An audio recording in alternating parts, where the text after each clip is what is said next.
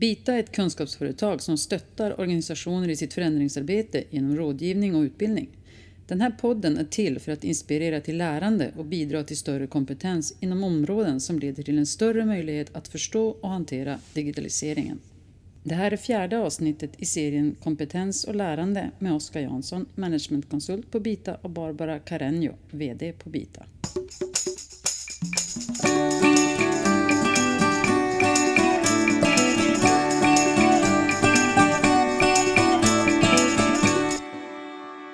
Då är vi på avsnitt fyra. Ja, avsnitt fyra. Visst har det gått fort? Ja. I våran serie Kompetens och eh, lärande. Och nu ska vi gå in lite mer på hur man gör. Så att jag tänkte börja med att fråga dig. Vad är skillnaden mellan en kompetensstrategi och en kompetensplan? En kompetensstrategi i, I en kompetensstrategi formulerar man vilka mål man har med eh, sin kompetens mm. förstås. Och i en kompetensplan så kan man på individuell eller aggregerad nivå eh, formulera aktiviteter för att uppnå de här målområdena som man mm. har i sin, sin strategi. Så att eh, planen är mycket mer operativ, mycket mer konkret än strategin som ringar in målområdena man ska försöka särskilja dem. Så. Det kanske finns olika tidsperspektiv också? Ja, absolut. Ja. Visst är det så. Så att när gör man då en eh, kompetensinventering och varför gör man det? En kompetensinventering görs ju för att eh, få en bild av, av nuläget. Ja. Var står den här enskilda individen idag gällande mm. sin kompetens? Mm. Men också eh, för att få ett eh, nuläge kring eh, organisationen. Mm. Var, var står organisationen på gemensamt för alla individernas kunskap? Var, var står den? Och för att identifiera ett antal utvecklings, utvecklingsområden. Då. Och det blir ju också i sin tur input till kompetensstrategin. Just det. Så att vill man ha ett nuläge och kunna sätta någon form av eh, nyläge eller börläge så mm. är det bra att göra en, en kompetensinventering. Mm. Man vill veta startpunkten. Och mäta det mot vilket behov man har då helt enkelt? Ja, ja. exakt. Precis. Eh, och eh, hur, hur gör man då? Hur kan man göra kompetensinventeringar i praktiken? Kompetensinventeringen kan göras på, på en mängd olika sätt. Eh, mm. Du skulle kunna som chef skulle du kunna intervjua din, din medarbetare om du mm. vill göra det. Eh, man kan göra kunskapstester.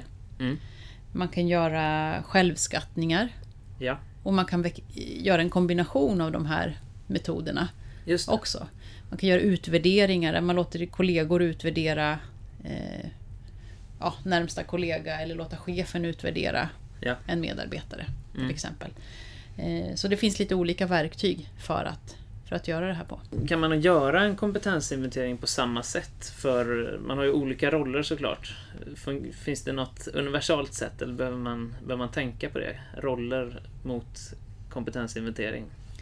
Det måste man ju på något sätt sätta i sin kompetensstrategi. Mm.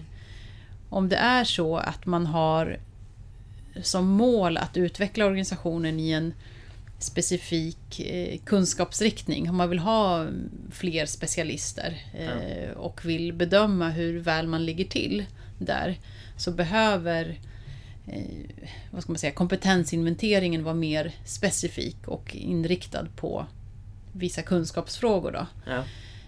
Om man istället vill mäta inställningen, alltså attityden till kompetens och mm. hur hur öppen man är för att lära och vad man har för inställning till att lära och hela den aspekten så, så behöver den inte vara inriktad på olika roller utan det kan vara en mer generell kompetensinventering som mer mäter eh, gör en temperaturmätning av liksom kulturen om vi är, gör på rätt sätt och har samma, samma inställning till hur vi ska jobba med kompetens. Ja, vad, alltså, vad finns det för verktyg eller, eller ja, olika metoder för den delen för att man ska göra kompetensinventeringar? Det finns ju, man kan ju använda vanliga enkla Excel-ark om man vill Ja. göra det. Eh, Man kan utveckla eh, olika, som jag sa, självskattningsverktyg och man kan ta fram kunskapstester som jag Mm. också nämnde. Allt beror ju på vad man har för krav på precision. Mm. Vad, vad vill man uppnå? Vad är syftet med de här eh, testerna då, eller eh, inventeringarna då?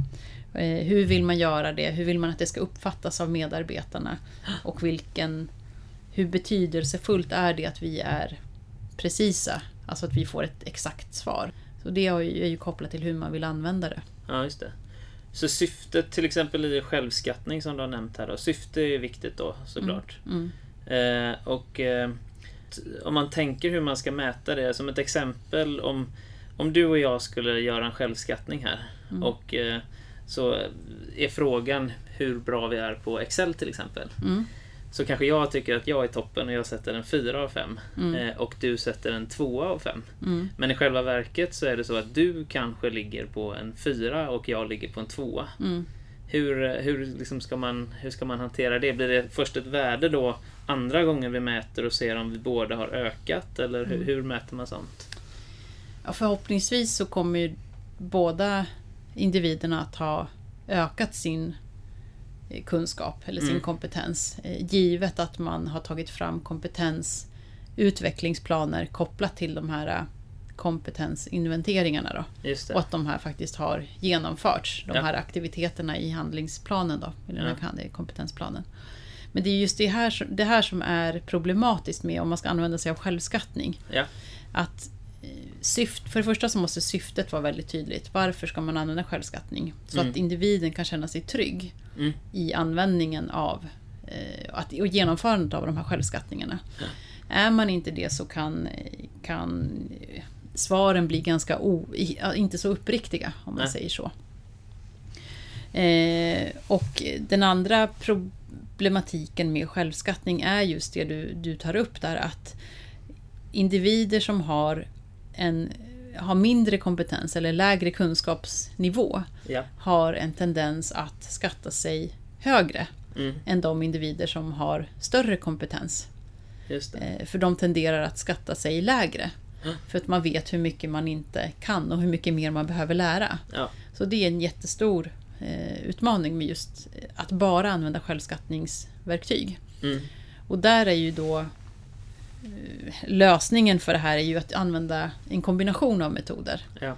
Att man jobbar med till exempel eh, självskattning i kombination med kunskapstester eller självskattning i kombination med utvärdering av kollegor eller utvärdering av chefer. För att få en, en bättre bild av hur det verkligen ser ut Ja. i verkligheten. Mm. Sen så är ju självskattning som verktyg ett bra sätt utifrån ett... Eh, eh, om man tittar på individens eh, möjlighet att, att, att, att liksom själv registrera sin kunskap så Mm. leder det förmodligen till någon form av insikt, självförståelse och medvetenhet. ja. Och därmed också en, en större förståelse kring vad man behöver, att man behöver utveckla sig och vad man behöver utveckla sig Ja. i. Då. Mm. Så att det kan bidra till större engagemang om de här självskattningsformerna är utvecklade på ett, på ett trevligt och kreativt sätt. Då. Just det, så att man egentligen då, om du belyser en fråga, ett självskattning, så kan det dels vara en motivation för mig att det här, det här är ju, det är ju ändå att ge en signal om att det här är viktigt att vi ändå Mm. vet att vi ska kunna på något sätt. Ja. Eller i alla fall bli bättre på. Det är jätte, en jättebra möjlighet att just, precis som du säger, kommunicera att, att det här är viktigt, att man sänder ut de signalerna. Ja, Eh, och att inspirera också. Ja, för ofta ligger det ju i ens intresse att man vill bli bättre på någonting. Så Ja. då har man ju som mål såklart att sätta ett högre betyg nästa gång man gör samma självskattning då helt Ja. enkelt. Precis, man vill ju se en utveckling helt enkelt. Men hur, hur börjar man? Vad gör man? Hur man gör en, en kompetensinventering. Mm. Eller hur gör man hela... För det första så måste du ju bestämma hur... Vad det är du vill mäta i de här kompetensinventeringarna. Vad det är du vill se. Mm. Och då måste du ringa in området. Det kan ju vara en viss, om det är en viss yrkesroll som ska mätas eller inventeras. Ja. Så måste du bestämma dig för vilka kompetensområden som är viktiga. Ja. Eh, och då måste du få in det i det här verktyget. Att det är de här områdena som jag vill, jag vill eh, bedöma på något sätt. Mm. Eh, hos de här individerna. Och sen så måste du också, ja, beroende på hur viktigt det är med precision eller validitet som man brukar prata om, så är det ju väldigt viktigt att få en, en objektiv bedömning av verktyget Mm. och se att, att verktyget eh, mäter det det avser att mäta. Ja. Eh, för det tycker jag att det, det finns många som slarvar med det. Man vill ju faktiskt att verktyget ska vara, eller kompetensinventeringen ska vara ändamålsenligt. ja, just det. Och då kanske man också ska se till så att man inte ställer samma frågor men på olika sätt. Så att man får, mäter olika aspekter. Då. Mm. Så att försöka ringa in de här områdena du ska mäta, att du gör det på ett tillförlitligt sätt, att du mäter det du avser att mäta är ju väldigt viktigt. Mm. Och sen börja fylla de här eh, områdena då, Mm. eh, så att du kan börja göra kompetensinventeringarna. Och sen när du har gjort det, då får du ju en, en bild av var du står idag hos den enskilda individen. Du kanske sammanställer det på aggregerad nivå. De här kunskapsluckorna har vi, eller de här kunskapsutvecklingsbehoven har vi.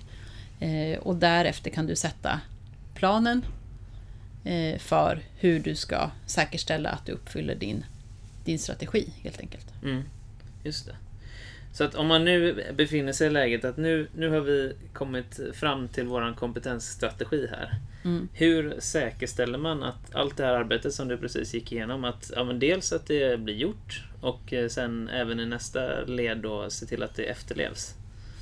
Det måste ju bli en, en del i en kontinuerlig process. Det får ju inte bli en ögonblicksbild Nej. eller någonting som man bara gör ja, någon gång då och då. Mm. Utan att försöka införliva det i, i kanske verksamhetsplaneringen, eh, i medarbetarsamtalet, lönesamtalet eller ja, bestämma sig för i vilken process och med vilken frekvens som Mm. det här ska göras. Så det måste ju sättas helt enkelt. Det viktiga är att det blir en kontinuerlig process, att det sker ett antal alltså upprepade gånger. Så Ja. att eh, det går att jämföra hur, hur organisationen och individen utvecklas från ja, halvår till halvår eller år till år. Helt enkelt. Och att se att man, man går i rätt riktning. Ja, vi gör så att vi eh, sätter paus där eh, och eh, tar upp lite kring vilka sätt det finns att lära i nästa avsnitt helt enkelt. Yes. Tack, hejdå! Hej då!